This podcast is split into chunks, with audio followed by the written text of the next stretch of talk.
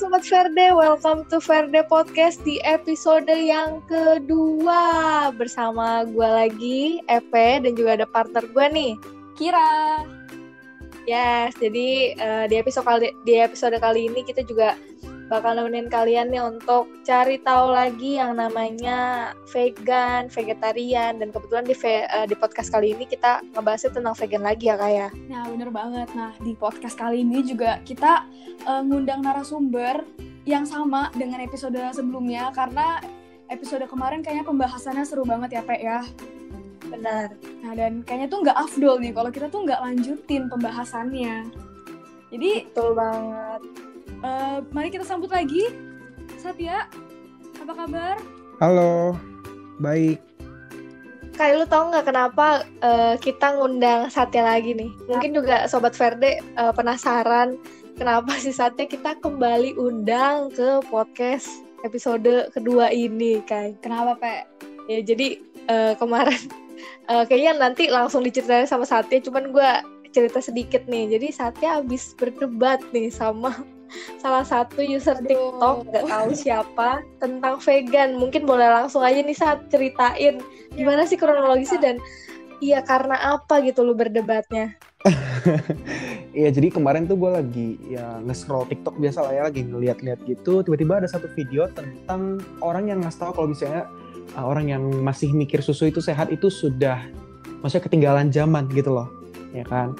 Nah uh, in a sense that yang dia ngomongin itu nggak salah karena emang susu itu kan sudah dibuktikan melalui research dan lain-lain bahwa itu ada benefitnya, ada benefitnya emang benar. Saya tidak me mendinai bahwa emang ada benefitnya, tetapi harmsnya itu lebih banyak daripada benefitnya gitu ya kan. Jadi orang-orang di TikTok ini semua pada bilang kayak ah berita palsu lu kayak gini-gini hoax kayak gini-gini. Ya saya saya sebagai orang yang vegan yang lebih ngerti tentang itu tentunya saya mau kasih tahu orang-orang ini dong kalau misalnya emang susu itu emang berbahaya gitu loh. Nah tapi ada orang-orang yang langsung nyerangnya itu sampai kayak bilangnya lu veganasi ya lu uh, vegan teacher ya kayak gitu itu yang saya nggak setuju sih gara-gara itu hmm. sih sebenarnya Yes, yes. Benar-benar. Karena memang hmm. ada dua tipe vegan ya, saat ya yang di mana ya gue hidup aja sebagai vegan, ada juga yang benar-benar uh, mengajak sampai mainstream banget gitu ke semua orang. Kalau misalnya harus vegan, harus vegan gitu ya, saat ya. Sebenarnya menurut gua sih guanya sendiri ya kalau dari guanya sendiri gua pasti pasti sebagai seorang vegan pasti pingin dong semua orang vegan gitu loh yes. but then again in the end of the day itu kan veganism is a choice ya hmm. kayak gua boleh kasih tau lu tentang informasi informasi informasi tentang produksi susu kayak gini-gini tapi kembali lagi ke lu itu loh. Jadi lu mau vegan atau enggak itu terserah lu. Jadi gua gua masih ngerasa itu bagus kalau lu bisa vegan tapi kalau lu nggak mau ya nggak apa-apa gitu sih menurut gua. Hmm. ah benar-benar benar apalagi hmm. terutama yang uh, bikin konten gitu di TikTok juga mereka bukan orang yang ahli kan ya? Iya kadang-kadang ada sih emang kadang beberapa ada yang ada yang ngaco gitu kan ya benar ya, gitu jatuhnya bisa jadi informasi palsu bahaya gitu mm -mm. benar-benar juga sebenarnya yang kontroversi dari orang yang bikin konten ini sih karena emang dia nggak ada kasih backup dari jurnal mana pun sih ya. Hmm. Jadi orang otomatis akan mempertanyakan dong kredibilitas ya. dari informasi itu gitu. Ya. Paham sih maksudnya orang-orang ini. Cuman at the same time yang komen-komen ini juga pasti mereka nggak ada research. Kebanyakan hmm. pasti korban marketing dari produk-produk susu gitu ya kan. Benar-benar benar. Iya gitu sih. Jadi saya pengen cari garis tengahnya untuk maksudnya supaya mereka ngerti lah. But iya begitu kemarin ada yang outright langsung panggil saya dumb F because uh. I have a diff different opinion dari dia. Lo ada yang bilang lu boleh vegan tapi lu nggak boleh goblok gitu. Bener-bener Iya banyak sih yang bilang kayak gitu. Iya benar. Apalagi zaman-zaman sekarang di mana kayak orang tuh bener kata saya tadi uh, gak didukung sama jurnal yang bener gitu gak jelas bahkan gak jelas apakah emang didasari dengan fakta terus juga audiens yang konsumsi informasinya juga ya mereka main terima aja gitu. Mm-hmm. Jadi bener sih itu. Itu bahaya banget. Mm-hmm. Sebenarnya gue juga I'm I'm open to debate sih. Maksudnya kayak orang mau mau debat sama gue tentang fakta-fakta gini boleh gitu loh. Cuman gue kemarin agak keselnya sama sama orang TikTok ini mereka itu yang ngomongnya agak kurang agak kurang hmm, sopan lah in a iya, iya. sense iya gitu sih. Yes. Jadi kemarin mereka juga mempermasalahkan kayak mana jurnalnya mana buktinya kayak gini-gini gue juga udah kasih jurnalnya tapi mereka nggak bisa mereka nggak percaya karena katanya kredibilitasnya kayak gini kredibilitasnya seperti itu intinya mereka sudah percaya bahwa susu itu sehat jadi mereka nggak mau membuka pikiran in a sense menurut saya menurut gue sih kayak gitu sih Iya, iya. I see, I see. Mm-mm. Di apa di masa-masa kayak gini emang apa konten TikTok tuh sangat ini ya sangat berefek gitu sangat berdampak gitu. Semua orang bisa lihat dan eh, dan nggak semua orang bisa menerima juga. But it's okay. Cuman gue penasaran nih sama konten yang dibawain gitu tentang susu yang nggak baik. Kalau misalkan itu old school eh, bukan zaman sekarang lah tapi zaman old banget gitu. Itu kenapa sih saat gitu kayak lu bisa jelasin sedikit gak mungkin tentang eh, apa susu atau keju atau telur yang lu tahu eh, dari dairy production gitu? Eh, dan kenapa itu dibilangnya old school gitu di video tersebut yang lu pernah baca mungkin researchnya atau segala macemnya? Oke, jadi yang pertama yang kita semua harus tahu adalah produksi susu sapi dan produk-produk dairy lainnya sudah berubah dalam ratusan dan puluhan tahun terakhir.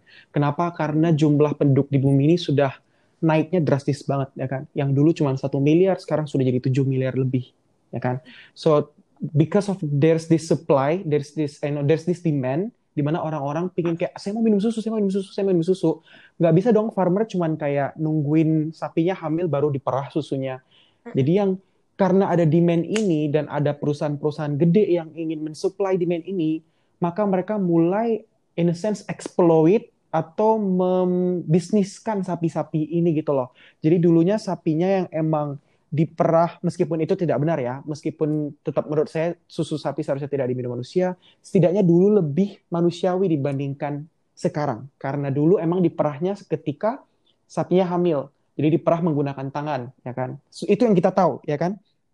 Itu yang biasa kita Betul. tahu. Nah, tapi dalam ratusan tahun terakhir, puluhan tahun terakhir itu sudah berubah total. Jadi sapi sekarang bukan tinggalnya di bukan di tinggalnya di farm lagi, mereka tinggalnya di dalam sebuah pabrik dan mereka itu diberdirikan di mesin yang terus berjalan. Jadi dan mereka itu diperahnya itu sama mesin, ya. Mesinnya nggak pernah dilepas dari badan mereka selama mereka hidup sampai mereka mati dan mesinnya masih ada di sana di eh, apa namanya di susunya Oh gitu. Mm-mm. Itu sih yang bahkan kemarin saya juga lihat ada yang komen yang bilang seperti ini. Lah itu kan eh, produksi susu yang sangat berlebihan di luar negeri. Kalau di Indo kan beda. Indonesia masih eh, di farm-farm yang maksudnya masih caranya tradisional.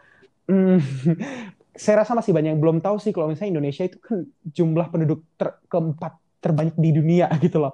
Ya kali kita bedanya masnya masih perah susunya pakai tangan gitu kan Ah, iya. pasti lebih banyak dan itu udah otomatis susu sapinya melalui pabrik dan sesuai dengan cara yang ta- tadi saya bilang itu.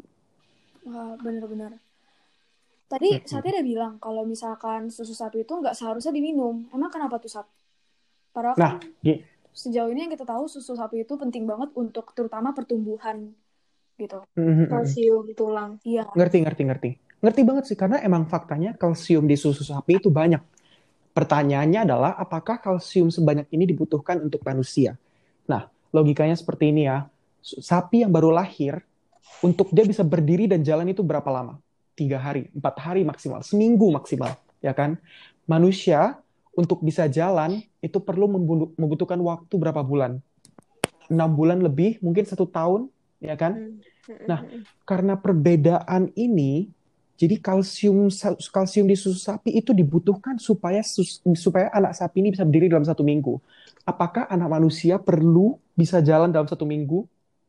Nah, hal-hal seperti ini tuh kayak nutrisi-nutrisi di dalam susu sapi itu dibuat sedemikian rupa supaya untuk menyesuaikan anak-anak sapi ini, begitu loh. Jadi di tubuh manusia ketika kalsium yang dikonsumsi lebih banyak daripada yang dibutuhkan, dia jadinya merang- menyerang diri sendiri. Makanya justru banyak orang yang minum susu banyak yang tulangnya kropos lah, osteoporosis seperti itu itu karena kalsiumnya melebihi yang dibutuhkan manusia gitu loh. Hmm. Begitu sih. Ah, Mm-mm. jujur gue baru tahu loh kalau misalkan fakta ini kalau misalkan kalsium di susu sapi ini tuh terlalu banyak buat manusia. Mm-mm. Wow. Itu mm-mm. tidak dikasih tahu sama pabrik-pabrik susu karena emang itu produk mereka ya, ntar mereka rugi. Bener-bener. Karena mereka masih mempunyai mindset dulu yang kalau misalnya susu sapi itu masih diproduksi secara uh, sehat dan tidak menggunakan bahan kimia dan lain-lain seperti itu. Begitu sih. Ya ditambah menurut, menurut gue sih ya recently makin parah gara-gara ditambah dengan zat-zat kimia kayak gitu. Disuntik hmm. hormon, dikasih steroid dan lain-lain, dipaksa hamil. Begitulah. Bahkan ini gue maaf kata sampai ada yang kayak sapinya rahimnya keluar, ada yang uh, bernanah satu, maksudnya kayak sampai susunya bernanah, begitu gitu kayak itu sih menurut gue yang agak bermasalah dari uh, produksi susu sapi. Wow, I see, I see. Gak nyangka juga sih selama ini gue gue jadi vegetarian masih minum susu dan ya ternyata sapi-sapi itu di mesin ya. Cuman yeah. ya iya. harus komitmen juga kayak yang di episode sebelumnya kita bilang kalau misalkan mau vegan ya harus komitmen dulu di awal gitu yeah. segala yeah.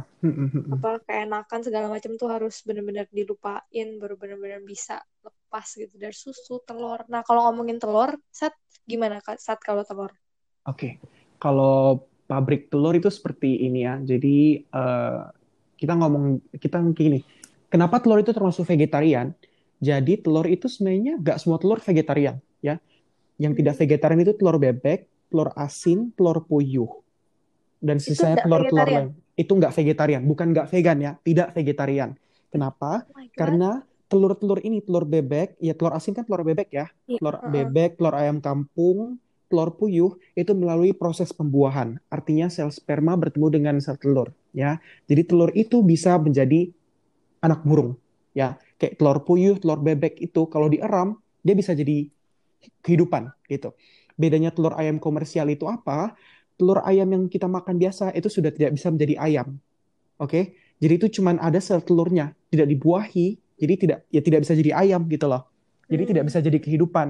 Nah, yang dipermasalahkan adalah yang dipermasalahkan orang vegan itu adalah proses pembuatan telur itu. Sama seperti sapi, ayam-ayam ini dipaksa untuk hamil terus dan dipaksa untuk menelu, uh, apa namanya uh, mengeluarkan telur berapa banyak dalam satu bulan kayak gitu-gitu dan hidup mereka lifespan-nya jadi berkurang sangat-sangat signifikan. Itu sih. Dah selanjut dari itu telur-telur ini kan ada yang dijual nih tapi telur-telur yang telur-telur yang dibuahi, telur-telur yang difertilisasi itu mereka melalui pabrik yang lain lagi. Jadi telur-telur ini setelah menetas ya kan, anak-anak ayam ini diletak di satu mesin dan mereka berjalan terus jadi ntar ada orang-orang yang milih antara ayam eh, apa namanya anak ayam jantan sama betina, ya. Hmm. Kalau yang jantan langsung dimasuk mesin penggilingan. Kalau yang anak ayam betina baru mereka lanjut boleh hidup. Kenapa? Karena anak ayam yang jantan ini tidak bisa menghasilkan telur. Jadi mereka dianggap hmm. tidak berguna. Oke, mereka langsung dimasuk ke mesin penggilingan. Jadi langsung hmm. habis lahir langsung langsung dibunuh. Begitu siklusnya. Okay. Kalau yang kalau uh, yang selamat ini hidupnya bukan lebih enak gitu ya. Karena mereka habis udah lewat dari stage selanjutnya, paruh mereka dipotong. Kenapa? Karena ntar mereka bisa saling matuk gitu ya. Mereka bisa saling matuk. Ntar ada yang luka lah, ada yang apa itu jadi jadi jadi ayamnya ada yang mati lah kayak gini-gini. Hmm. Jadi itu mereka di, di make sure supaya mereka nggak saling uh, kayak nyerang atau gimana gitu supaya nggak saling berantem lah istilahnya. Hmm. Habis itu mereka diletak di kandang yang kandangnya sangat kecil banget dan isinya mungkin bisa sampai ribuan bahkan ratusan ribu ayam. Dan mereka hmm. nggak ada mereka nggak ada space untuk bergerak gitu. Habis itu ditunggu sampai besar baru lanjut ke produksi apa namanya daging ayam seperti itu. Kalau oh. ya kalau ayam sih seperti itu sih. Hmm iya iya. Kayak gimana kayak lu dengarnya kayak ya, ya gue gak nyangka sih. Bukan nakutin lo ya ini ya, ya gue gak nyangka sih kayak iya, jujur aja. Yes tapi emang faktanya seperti itu ya Sat ya. ya. Sudah Cuman, sudah ya, nggak kelihatan aja gitu sama kita. Benar-benar. Ya, jarang dikomersialisasikan karena orang-orang pada bukan nggak tahu, tapi banyak yang prefer to not know. karena karena kadang ada yang ditunjukin contoh video pabrik susu kayak gini. Mereka ntar pada bilang kayak nggak mau nonton deh, ntar gue nggak mau makan, ntar gue nggak mau minum gitu. iya begitu ada ada temen kuliah gue saat dia uh, dia vegan setelah anjingnya mati. Wah. Okay. Jadi kayak emang bener-bener tentang itu gara-gara dia bener-bener kasihan gitu lihat binatang dan uh, mungkin dia awalnya udah dikasih education juga tentang yang dari production punya cruelty kan tapi mm -hmm. Uh, setelah anjingnya mati ya mungkin dia baru tersadarkan lewat situ jadi makanya dia mau vegan gitu. Jadi kayak wow. Iya. Kalau dari gue sih ya gue juga ngerasa kayak ada beberapa orang yang cuman mendukung kayak nggak boleh makan anjing nggak boleh makan kucing. Karena menurut gue kan menurut gue sih ya menurut gue kan mereka setara gitu kalau ngomongin yeah. tentang intelligence bahkan babi lebih pintar loh daripada anjing. Ya. Uh, oh, iya ya. Iya babi babi itu bisa lebih lebih pintar dan lebih lebih hebat ingatannya dibandingkan anjing gitu loh oh. jadi makanya kadang-kadang gue juga bingung sama orang-orang yang kayak gak jangan makan anjing jangan makan anjing nextnya makan pork gitu hmm. Hmm. gitu sih yeah. Oke, okay. walaupun gak nyangka banget ternyata ya sekejam itu di dari production. Cuman ini informasi aja. Thank you Sat udah mau sharing dan juga uh, semoga ya ke depannya apa ya vegan nih bisa dikenal lebih jauh lagi dan bisa membuka mata para uh, masyarakat di Indonesia Amin. khususnya. Apalagi generasi Z ini sih karena uh, generasi Z ini yang paling apa ya menurut gue tuh paling bisa berdampak gitu buat dunia ke depannya gitu bahkan bukan Indonesia doang tapi dunia gitu ya dan juga mungkin pengen ini saat tadi kan lu juga ada sempet singgung kalau misalkan uh, konten yang dibuat sama si konten creator tadi itu kurang ada sumber-sumber. Mungkin lu punya trick and tips and trick nih buat eh, orang-orang generasi kita yang vegan dan mau menyebarkan gitu kayak uh, harus ada sumber atau segala macem gitu-gitu. Gimana saat lu ada tips and trick gak? Kalau menurut gue sih ya lebih banyak nontonin tentang dokumentari-dokumentari tentang uh, veganism. Contohnya di Netflix sekarang ada namanya What the Health, ya. Jadi itu, itu baru lagi saat uh, itu udah kayaknya udah lumayan lama sih. Gue gue kurang oh, tahu juga uh, iya jadi dia pro, uh, apa namanya dokumenter tentang veganism.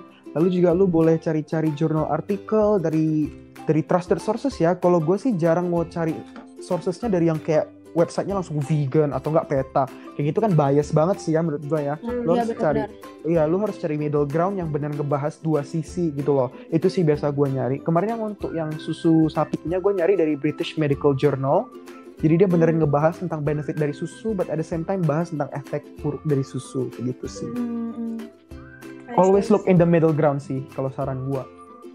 I see, Oke okay, oke. Okay. Tapi yang emang lu temukan selama lu cari cari begituan emang uh, benefitnya banyak ke vegan ya saat ya? Hmm, iya sih harusnya karena emang gini ya gimana ya meskipun contoh nih ada yang bilang makan sayur juga banyak pestisida kayak gini-gini bagaimanapun uh, kita tidak setidaknya mengurangi lah untuk ikut campur dalam masalah kayak uh, animal cruelty dan lain-lain seperti itu sih. Juga karena emang benefit-benefit eh maksudnya kayak zat-zat kimia yang ada yeah. di binatang itu kan jauh lebih banyak ya dibandingkan yeah, yeah. contoh pestisida kan bisa dicuci bisa di kayak gitu-gitu. Menurut gue itu sih the, the obviously emang karena emang research juga bilang kayak orang vegan tuh ada berapa persen uh, lower lower chance of getting cancer dan lain-lain seperti itu gitu sih. Bener-bener. Ya karena kalau dipikir juga maksudnya di luar animal products gitu sekarang masyarakat juga udah makin banyak gitu kan. Populasi udah makin padat. Jadi kayak selain kebutuhan daging kebutuhan sayur-sayuran gitu pun juga kan meningkat. Jadi menurut gue ya juga emang uh, susah gitu loh kalau lepas dari yang namanya pestisida. Karena bener. nama pestisida bener kata lu bisa dicuci gitu. Sedangkan kalau animal products kan dalam segi kadar kolesterolnya tuh lebih tinggi gitu iya zat kimia lu nggak bisa ah, keluarin dari bener, bener. ayamnya gitu ya kan bener-bener Gitu I see, yes. Waduh, mantap nih Satya dan juga Kira. Ternyata udah mau habis podcast ya. podcast kita. Jangan kelamaan biar sobat Verde juga nggak bosen dengerin kita episode bener, berikutnya bener. nanti kita undang narasumber yang lebih asik lagi dan thank you banget Satya udah mau datang ke Verde Podcast untuk yang kedua kalinya thank you uh, yes thank you semua cerita dan juga pengalaman yang udah lu uh, jalani selama lima tahun ini. Semoga bisa berdampak juga buat sobat-sobat Verde yang dengerin ini. Yes, nah, gitu kayak. Bener-bener banget. Jadi uh, semoga uh, hasil dari wawancara dengan Satya ini bisa berdampak bagi sobat Verde dan juga yang lainnya. Dan sampai sini aja bincang-bincang kita dengan Satya. Uh, jangan lupa untuk pantengin terus podcast dari Verde setiap hari Kamis. Ya, benar, benar banget. Setiap hari Kamis jam 8 pagi ya, kayak. Ah, benar. Karena kita setiap minggunya ini pasti kita akan ngebahas konten-konten yang gak kalah seru dan gak kalah bermanfaat ya yes, kita bakal buka pikiran teman-teman sobat Verde yang udah vegan, yang udah vegetarian maupun yang belum sama sekali uh, setidaknya teman-teman tahu informasi yang uh, cukup akurat dari narasumber-narasumber uh, yang udah punya pengalaman di bidangnya, di bidang vegan, di bidang vegetarian gitu dan udah bertahun-tahun ya kayak. Bener-bener Oke. Okay. Jadi Udah, sampai sini aja Sobat Verde. Sampai jumpa di next episode. Bye-bye. See you, Bye -bye. Sobat Verde.